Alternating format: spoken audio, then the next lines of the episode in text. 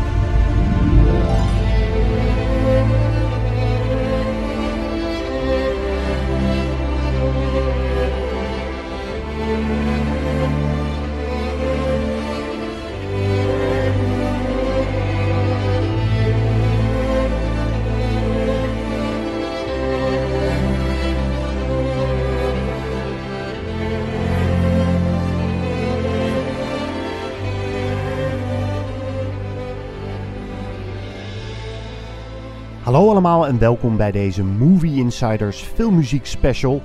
Mijn naam is Guido.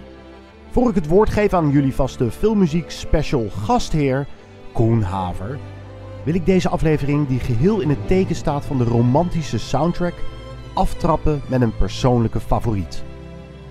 Als liefhebber van de Poolse componist Abel Korzeniowski, die verantwoordelijk is voor de muziek van onder meer W.E., dat is die film van Madonna, snel vergeten, A Single Man en Nocturnal Animals, stuit ik eens op zijn prachtige werk voor Romeo en Juliet.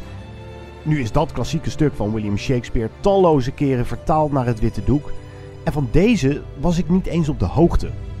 De verfilming uit 2013 is een moderne stadsbewerking met Haley Steinfeld en Douglas Booth, en die heb ik tot op de dag van vandaag nog nooit gezien. Doet er in dit geval ook niet zo toe. Het is gloedvolle, lyrische, haast minimal music die me direct betoverde. Met zo'n zalige, herkenbare melodie die je kop maar niet verlaat. En het werd per toeval het thema van mijn nieuwe verliefdheid. Een verliefdheid met, ik ga niet in details treden, een toen, ik spreek over ruim twee jaar geleden, nogal onvoorspelbaar karakter. Je hoort vlinders, maar ook tragiek. Dit zou wel eens slecht kunnen aflopen. hey, het is Romeo en Juliet. Het liep voor ons gelukkig wel goed af allemaal, maar het blijft een beetje onze soundtrack. Straks Koen dus, met nog veel meer romantische, ook onconventionele klanken. Maar we trappen af met Romeo en Juliet uit 2013 van Abel Korzeniowski.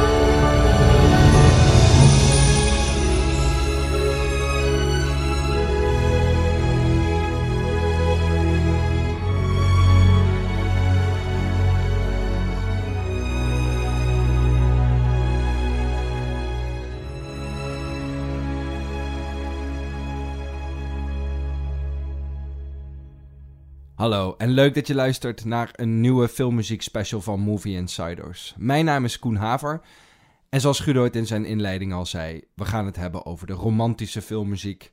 Want geen thema in de film is zo vaak behandeld als de liefde. Terwijl het toch vaak weggezet wordt als een filmgenre dat hevig gestoeld is op formulewerk. En dan is de formule: twee mensen worden verliefd op elkaar. Ze zijn een tijdje gelukkig. Dan volgen er allerlei obstakels en problemen, waardoor ze elkaar kwijtraken.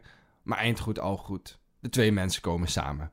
En het moet gezegd worden: er zijn maar weinig romantische films die zich aan deze formule houden en alsnog een klassieker status verwerven. Want niemand zal zich films als The Notebook, When Harry Met Sally of Pretty Woman herinneren om de geweldige dialogen, de innemende acteerprestaties of een vernieuwende regiestijl. Als een romcom dat wel voor elkaar krijgt, dan is het toch vaak omdat het een twist geeft aan het genre. Dat kan dan door onverwachte plotwendingen of een afloop die je niet ziet aankomen, door verschillende verhaallijnen met elkaar te combineren of door het verhaal tegen een bijzondere achtergrond of in een zeldzame setting te plaatsen. En in deze aflevering laat ik jullie horen dat het ook kan door bijzonder gebruik te maken van muziek. Want de romantische films die meer zijn dan de genreformule, die doen eigenlijk altijd iets bijzonders met muziek. Verwacht in deze aflevering dus geen muziek uit films als Love Actually of Titanic. Want hoe mooi ook, de liefde in deze films, die wordt eigenlijk begeleid met het standaard repertoire voor romantische filmmuziek. Violen en een piano. En dan ook nog een bak pathos. Nee, in deze aflevering ga ik het hebben over films als William Shakespeare's Romeo and Juliet, Call Me By Your Name en Brokeback Mountain. Ik heb de titels een beetje ingedeeld op thema en de muziek wissel ik af met wat mijmeringen over de liefde. En vergeef me als het allemaal wat pathetisch wordt. We hebben het immers over de liefde.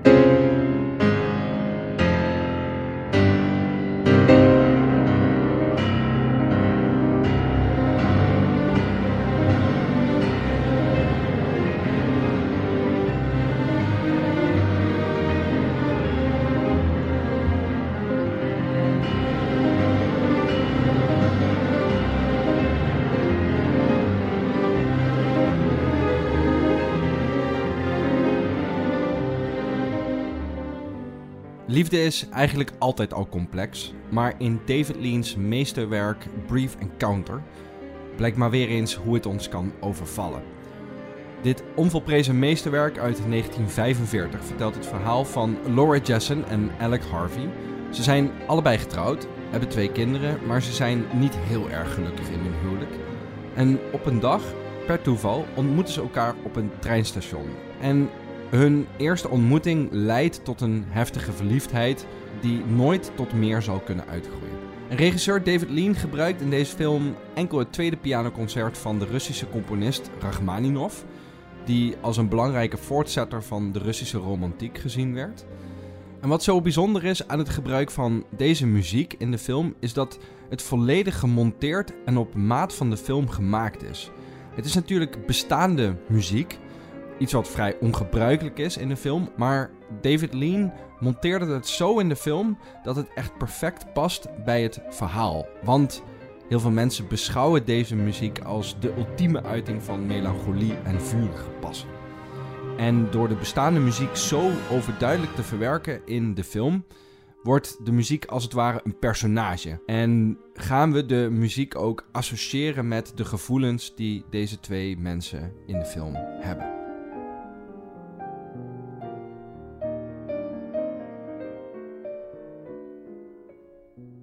Waarom geen van beiden er uiteindelijk voor kiezen om het saaie huwelijk dat ze leiden op te geven, dat zal voor velen altijd een raadsel blijven.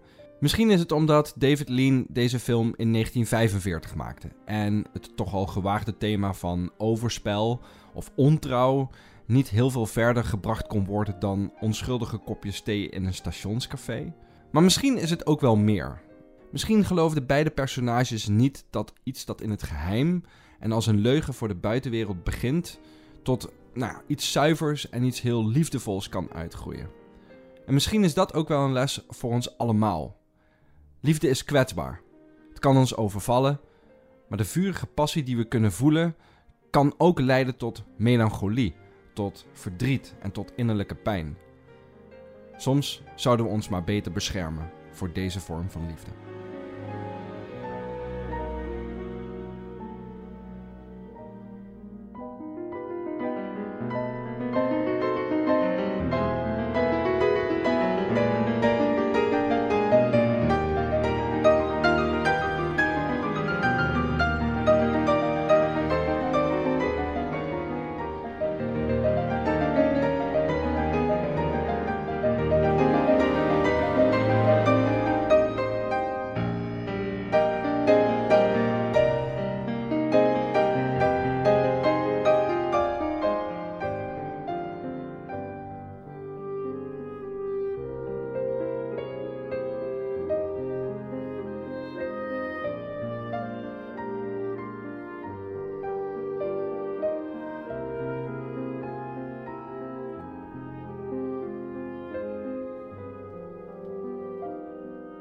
Een andere film die met hetzelfde thematiek als Brief Encounter speelt, is Wonka Wai's film In the Mood for Love.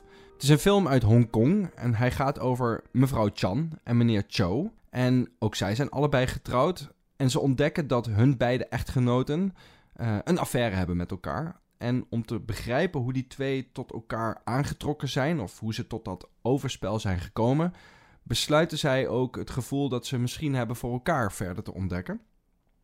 En dat doen ze door nou ja, wilderig om elkaar heen te draaien, prachtige kleding aan te trekken, hier en daar elkaar aan te raken.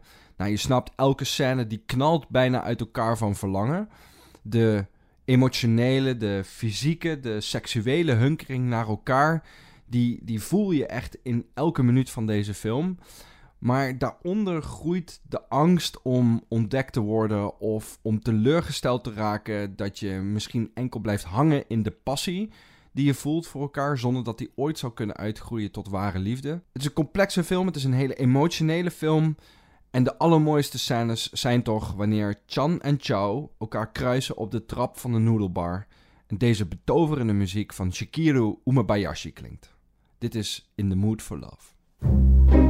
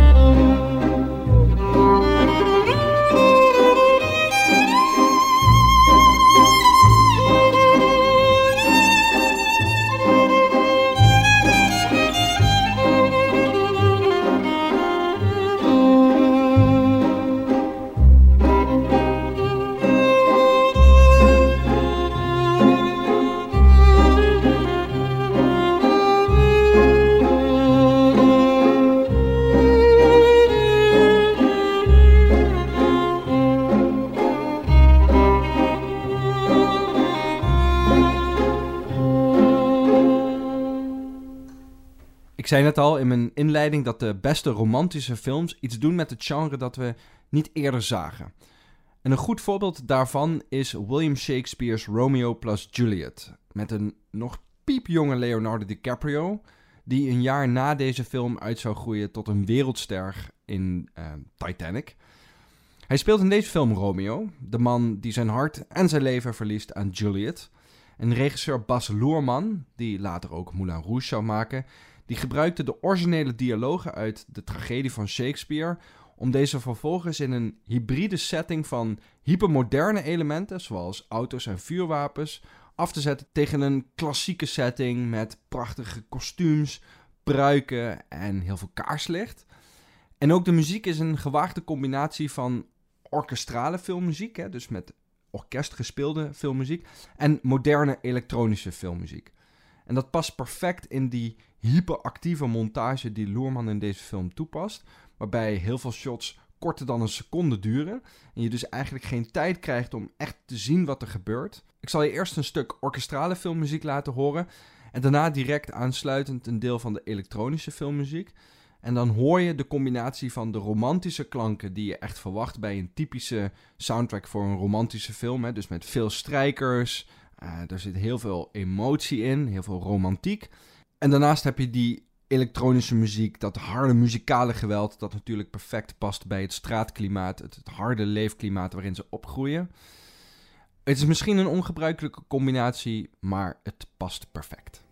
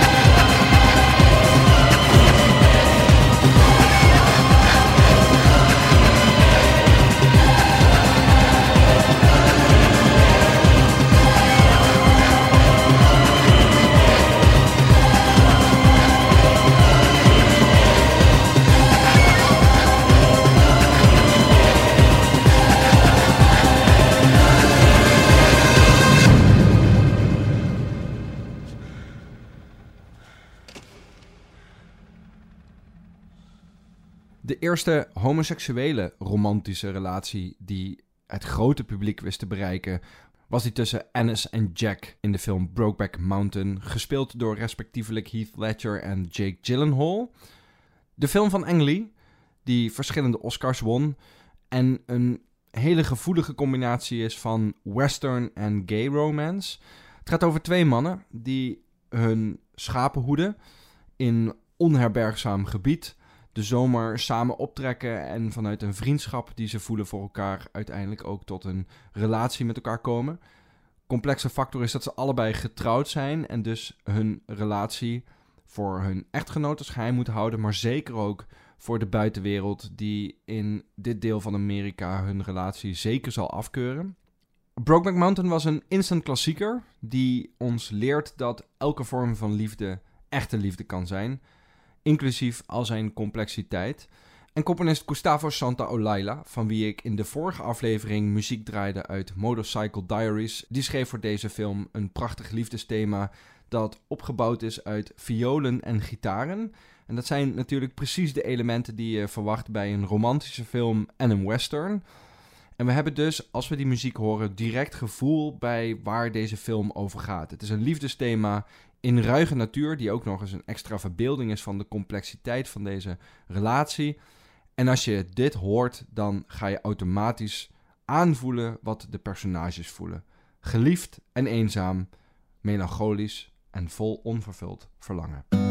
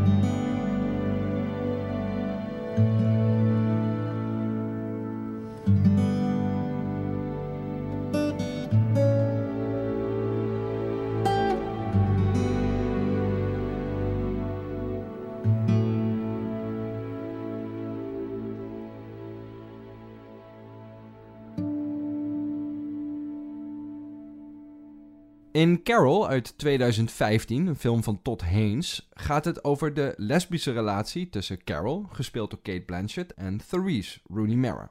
Je zou kunnen zeggen dat deze film een combinatie is van een romantisch drama, een melodrama, een roadmovie en misschien zelfs wel een modern kostuumdrama. Geen gemakkelijke film, vooral niet, vind ik dan, door het wat kille en afstandelijke karakter van Carol, dat je zou kunnen verklaren door de enorme eenzaamheid die zij voelt. En het gaat eigenlijk ook deels over nou ja, dat je soms aan een relatie wilt ontsnappen en dat je dan maar grijpt naar iets wat nou ja, per toeval ontstaat. Um, daar kan uiteindelijk iets heel moois uitgroeien, zoals deze film laat zien. Maar liefde kan soms ook een ontsnappingsmiddel zijn. En wat deze soundtrack zo bijzonder maakt, is dat Carter Burrell, de componist, vooral gaat voor de warmte en de liefde die deze twee personages voor elkaar voelen. Dus hij zet bijna nergens de complexiteit van hun relatie aan, maar hij gaat echt voor de nou ja, gelukzalige en de kwetsbare momenten die ze samen delen. En ik denk dan ook dat dit de meest romantische soundtrack is die ik in deze aflevering laat horen. Vooral dankzij de prachtige strijkinstrumenten die Burrell gebruikt.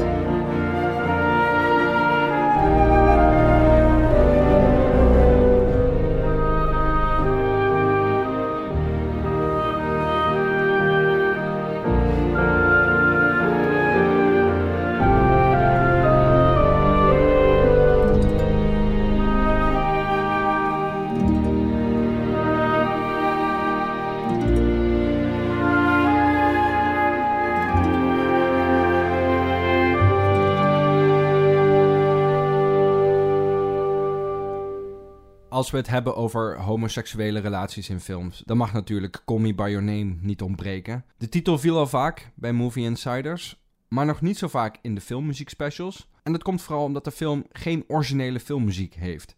Hij maakt volledig gebruik van reeds bestaande muziek, van modern klassiek tot hyper cheesy popsongs uit de jaren 80, zoals Lady Lady Lady van Giorgio Moroder en Joe Esposito. Een liedje dat ook gebruikt wordt in de film Flashdance. Maar het past zo verschrikkelijk goed, deze hybride combinatie van klassiek en pop, bij alle gevoelens die Elio in de film doormaakt. De puberale verliefdheid, het verdriet om het weggaan van zijn geliefde en dan aan het einde die volwassen berusting als dat besef doordringt dat het nou, definitief voorbij is. En die eindscène, die is voor mij het filmisch equivalent van therapie. Want Elio die in het vuur start, ingehouden huilt. Terwijl hij nou, terugdenkt aan al die prachtige momenten die hij die zomer beleefd heeft. En als je ooit je hart hebt gebroken, dan weet je dat liefdesverdriet fysiek en emotioneel echt pijn kan doen. En deze eindscène is zo een prachtige verbeelding van die pijn. En ja, Visions of Gideon van Safjan Stevens raakt mij ook keihard in mijn ziel. Dit is echt filmische perfectie.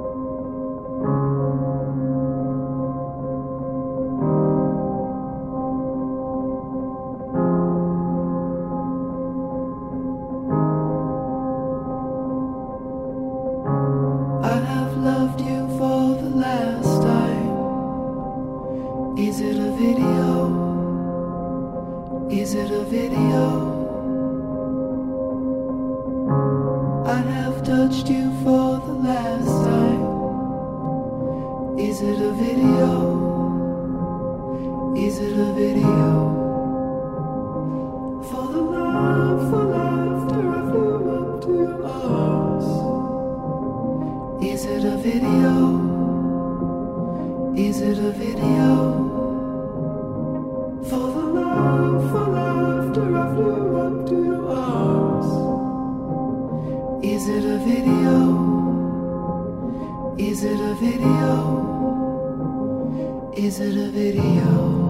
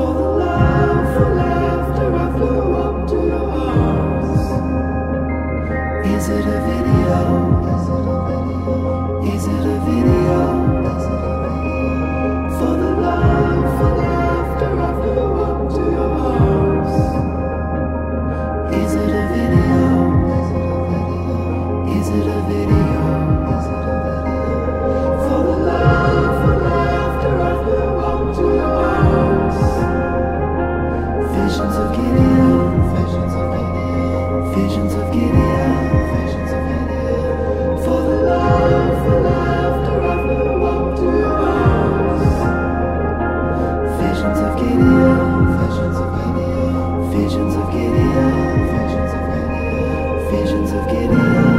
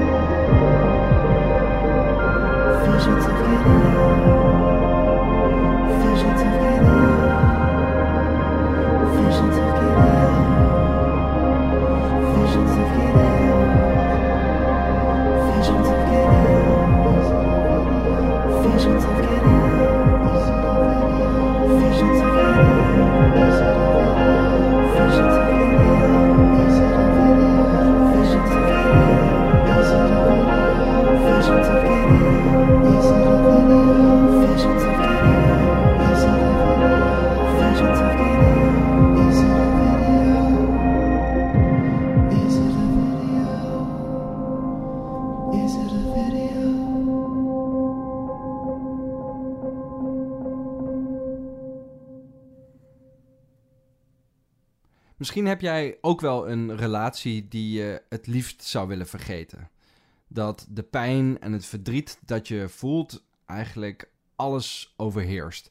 En precies dat gevoel heeft Joel, gespeeld door Jim Carrey in Eternal Sunshine of the Spotless Mind, een film van Michel Gondry.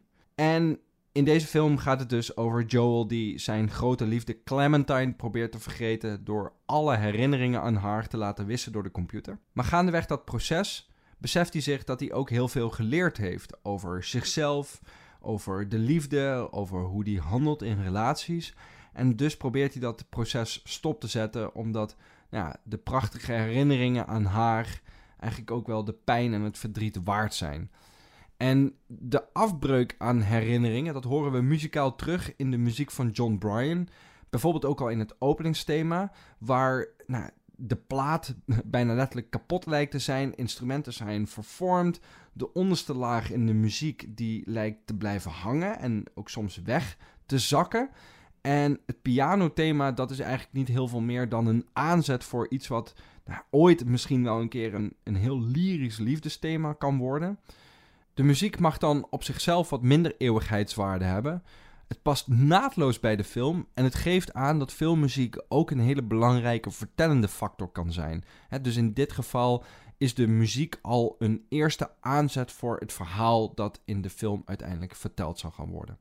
John Bryan's Eternal Sunshine of the Spotless Mind.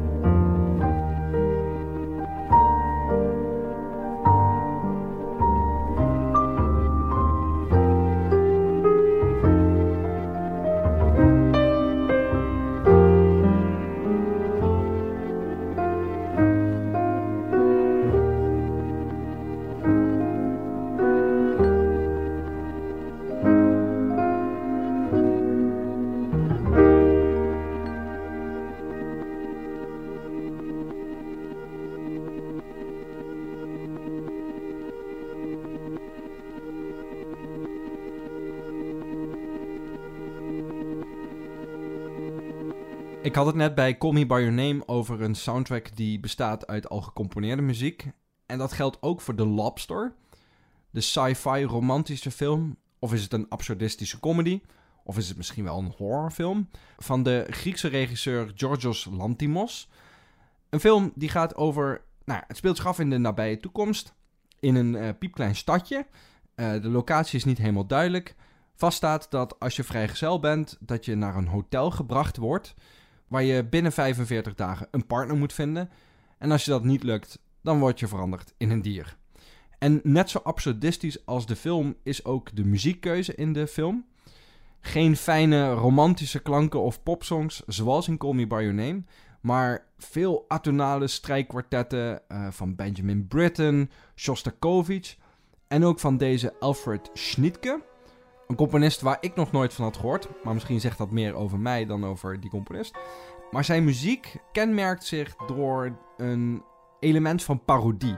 Hij combineert verschillende muzikale stijlen uit verschillende muzikale periodes met elkaar om daar een parodie op te maken. En de gekte in zijn muziek is natuurlijk een, een hele mooie muzikale verbeelding van de gekte in de film. Geen romantische klanken dus, maar pijn en ongemak en awkwardness en misschien ook wel heel veel comedy. Dit is een stukje muziek van Schnitke uit de film The Lobster.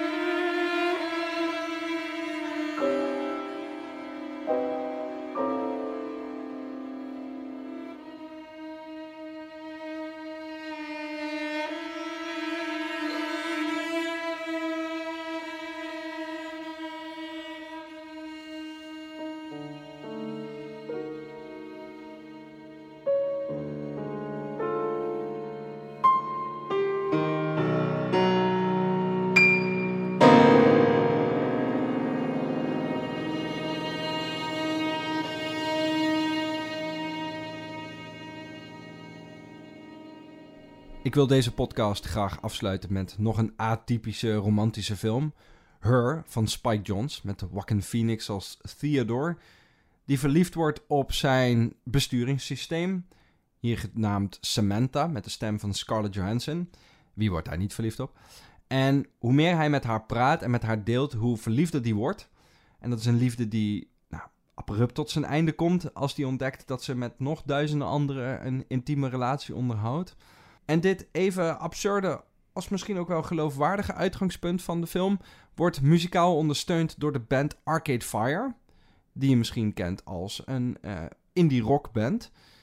Hier geen popsongs, wat je misschien zou verwachten als een band de filmmuziek schrijft, maar nou, echt postmoderne, soms wat kille, soms heel romantisch emotionele filmmuziek. Wat zo gaaf is aan deze soundtrack is dat uh, de muziek echt een bijzondere combinatie is van uh, stijlen en van instrumentatie. En ik laat jullie dadelijk de track Morning Talk Supersymmetry horen. Een instrumentale versie van de song Supersymmetry, die je vindt op het album Reflector van Arcade Fire. En daar hoor je hoe eh, nou, hybride eigenlijk deze soundtrack is. Dus je krijgt eerst een heel rustig, meanderend thema en vervolgens de instrumentale versie van een song die, als je de lyrics leest, ook nog eens gaat over de pijn die we kunnen voelen bij een gebroken liefde. Hoe mooi past dat in deze film? En daarom is dit een prachtige afsluiting van een podcast over nou, onconventionele romantische filmmuziek. En terwijl ik deze muziek aanzet, zeg ik alvast bedankt voor het luisteren. Wil je reageren op deze podcast? Dat kan. Stuur een mailtje naar movieinsiderspodcast.gmail.com of twitter met ons at movieinsight. Of schrijf een keer een recensie op het audioplatform waar jij deze podcast luistert. Dat vinden we leuk.